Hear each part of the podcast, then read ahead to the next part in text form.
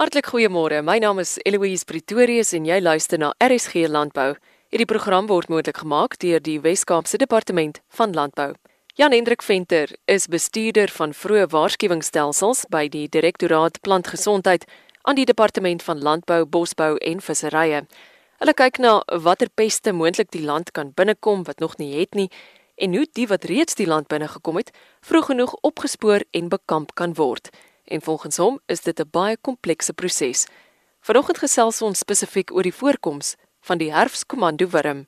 Dis nie 'n baie maklike taak nie want ons ons doen al die gewasse gelyktydig. Met ander woorde ons het 'n baie baie horisontale visie. In Engels word mense seker kan doen wall-eye vision. Maar maar ehm um, so ons kyk nou wat versprei in die wêreld op 'n en, en wat versprei vinnig en dan navolgens met ons prioriteite opsit. Nou ons kan nie altyd noodwendig altyd akkuraat wees nie. Partykeer kom daar dinge in wat ons glad nie uh, glad nie op ons radar is nie. Um, en dan versprei hy en en veroorsaak moeilikheid in die landbousektor of in in ander sektore. Gee tog vir my 'n agtergrond oor die herfskomando wurm en die gevare wat dit inhou vir die Suid-Afrikaanse landbousektor. Um, Eloise, die, die herfskomando wurm is 'n uh, betrekkelike nuwe pes in Suid-Afrika. Hy is in in 2016 vir die eerste keer gesien in Nigerië waar hy eintlik niks gedoen het um, wat aangeteken was in die in die in die landbou navorsingstipe van van artikels nie. En dan skielik in die gedurende November en Desember 2016 het ons het ons meer gehoor van hom in die media waar hy reg deur die res van Afrika begin versprei het en veral na suid uh, oostelike rigting.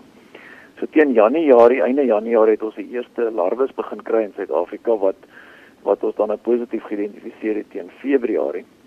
Ehm uh, en wat hierdie pes doen is hy hy hy het 'n redelike baie gasie reeks, maar hy val val al mielies aan. Met ander woorde is 'n stapel voedsel vir Suid-Afrika en ook Suidelike Afrika en en 'n groot dele van die res van Afrika is sowel. Hy hy kan ook wel ander graangewasse aanval um, en dit is aangeteken dat hy byvoorbeeld koring kan aanval, maar ons het nog nie sulke gevalle in Suid-Afrika gekry nie. En in Suid-Afrika het ons wel sorghum gekry en daar was 'n paar gevalle waar hy op uh, van die alternatiewe grasere gebruik gemaak het, so van die millets en van die graanvoergewasse en so voort, maar nie regtig noemenswaardig ook nie. Jan Hendrik sê vir my, wat is die skade sover? Die die die komando waarom um, is is redelik moeilik om te voorspel die die skade want want dieselfde jaar wat hy ingekom het in Suid-Afrika het ons 'n rekord oes gehad. So dit in in die kommersiële sektor lyk dit of hy 'n bedenklike skade het of baie min skade het, maar as 'n bietjie fyner kyk na jou na jou kleiner boere toe en veral in areas soos Limpopo en die Laagveld en Mpumalanga en en die laer liggende gebiede in in KwaZulu-Natal veroorsaak hy geweldige skade van jong mielies af tot wel ouer mielies met koppe aan. Nou daar daar's twee redes daarvoor. Een die die dit die areas waar hy nie bedreig word deur koue nie. Dit is 'n koue gevoelige pes. Ehm um, en die en ons val driehoek waar die meeste van ons mielies geproduseer word word word lekker koud in die winter, so hulle die larwe sterf af en die motte sterf af. So hulle moet nie invlieg in die somer en en dit veroorsaak baie laag gevalle is en dan vermoed ons ook en dit is nou nog nie bewys nie dat die BT milies of die die milies wat ook bestand is teen stamboders ook bestand is teen hierdie pes. En daarom, maar dit is nog nie nog nie so deur die saadmaatskappye geregistreer of iets nie soos wat nie graag promoveer nie en en daar's ook nog nie voldoende bewyse daarvoor na na my mening nie. Jan Hendrik, wat is die voorkoms van die herfskomando warm in die Wes-Kaap spesifiek?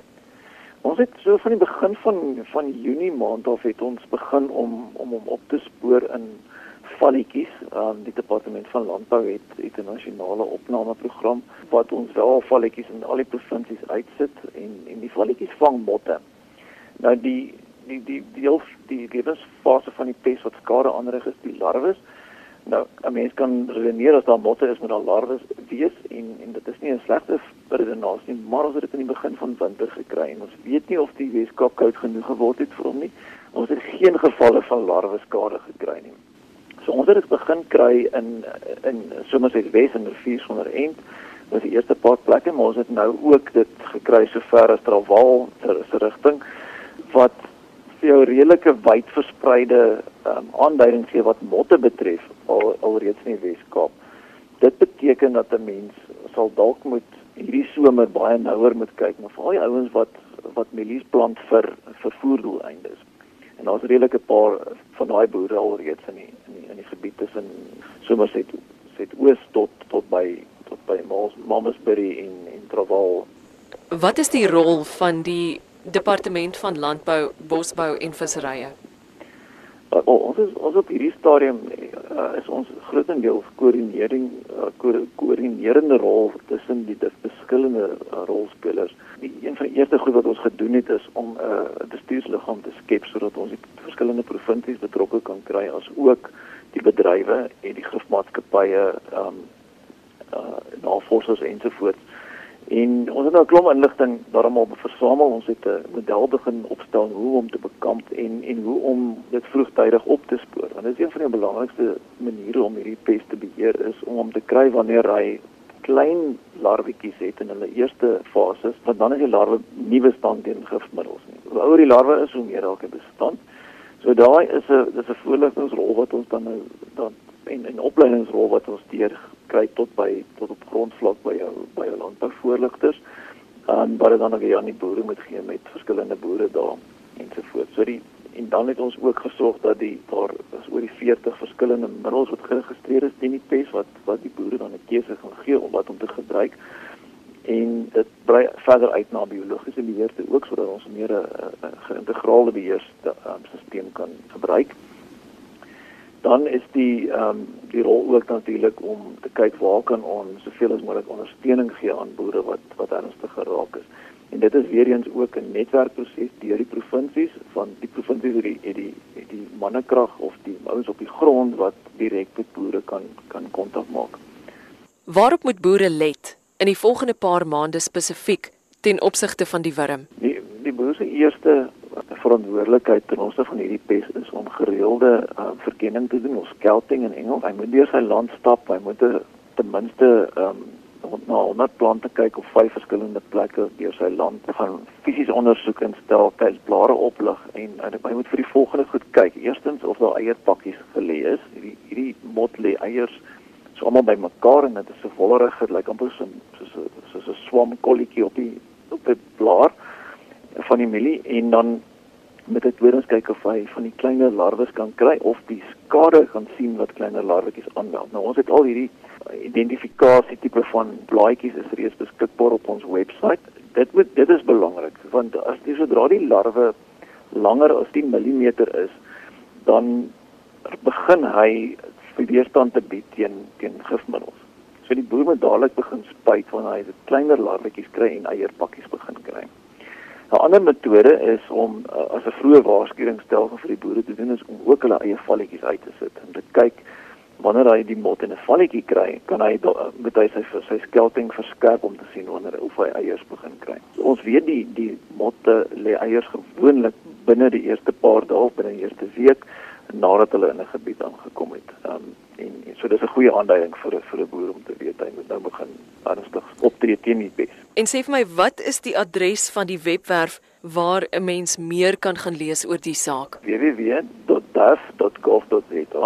en as jy die webtuiste oopgemaak het dan is daar ehm, 'n um, vol army home outbreak prentjie met 'n worm op wat waarop jy kan klik en dan gee die dan is die adres die uh, www www.dev.gov.za forward slash devweb3 forward slash newsroom en dan forward slash media release for army. Ek dink die belangrikste vir vir Suid-Afrika is dat ons hierdie pes nie moet onderskat nie. Um, ons het nou twee seisoene oorleef met die pes waar waar ons relatief min skade is as gekry het as ons kyk na die geheel oes um, wat ons gekry het uit uit met die produksie uit in Suid-Afrika. Uh, maar ons moet ook onthou dat ehm um, daar is ander faktore betrokke. Daar is die moontlikheid van weerstandige tipe mielies en ook die klimaat. En as ons nie die pes dophou nie en nie nodige navorsing doen nie, dit is dit ek vergeet het om te noem as daar het nou um, vier na vier tot vyf navorsingsprojekte goedgekeur wat ons wel kan doen vir vir volhamium um, met die Maryland Navorsingsraad wat wel gaan help om 'n bietjie meer inligting te kry oor die pes wat ons ook agtergekom het dat ons daar's verskillende strains of verskillende haplotipes van hierdie pes in die land in die, in in Afrika. En in en die wat ons in Afrika het meestal is is lyk like my die mielie ene, maar dit lyk of al self van die rys ene kan inkom. As hierdie haplotipes begin meng, dan kan daar ook weerstandigheid teen teen verskillende ehm um, uh, landbouchemikalie wees wat wat vir ons 'n groter knou gaan gee. So ander haplotipes kan steeds in Afrika kom. So die die rede hoekom die wurm in Suid-Afrika of nie Suid-Afrika, soos hierdie maar Nigerië ingekom het, moet moet ehm um, verskerp word om uit te vind hoe kan ons bekamp dat daar nie meer sulke invoere plaasvind wat die wurm kan inbring nie. So gesels die bestuurder van vroeë waarskuwingsstelsels by die Direktoraat Plantgesondheid aan die Departement van Landbou, Bosbou en Visserye, Jan Hendrik Venter. Onthou gerus om www.rsg.co.za en elsenburg.com te besoek vir nog inligting en potgoeie en vir enigiets anders omtrent vanoggend se program. My naam is Eloise Pretorius. Groete tot volgende keer.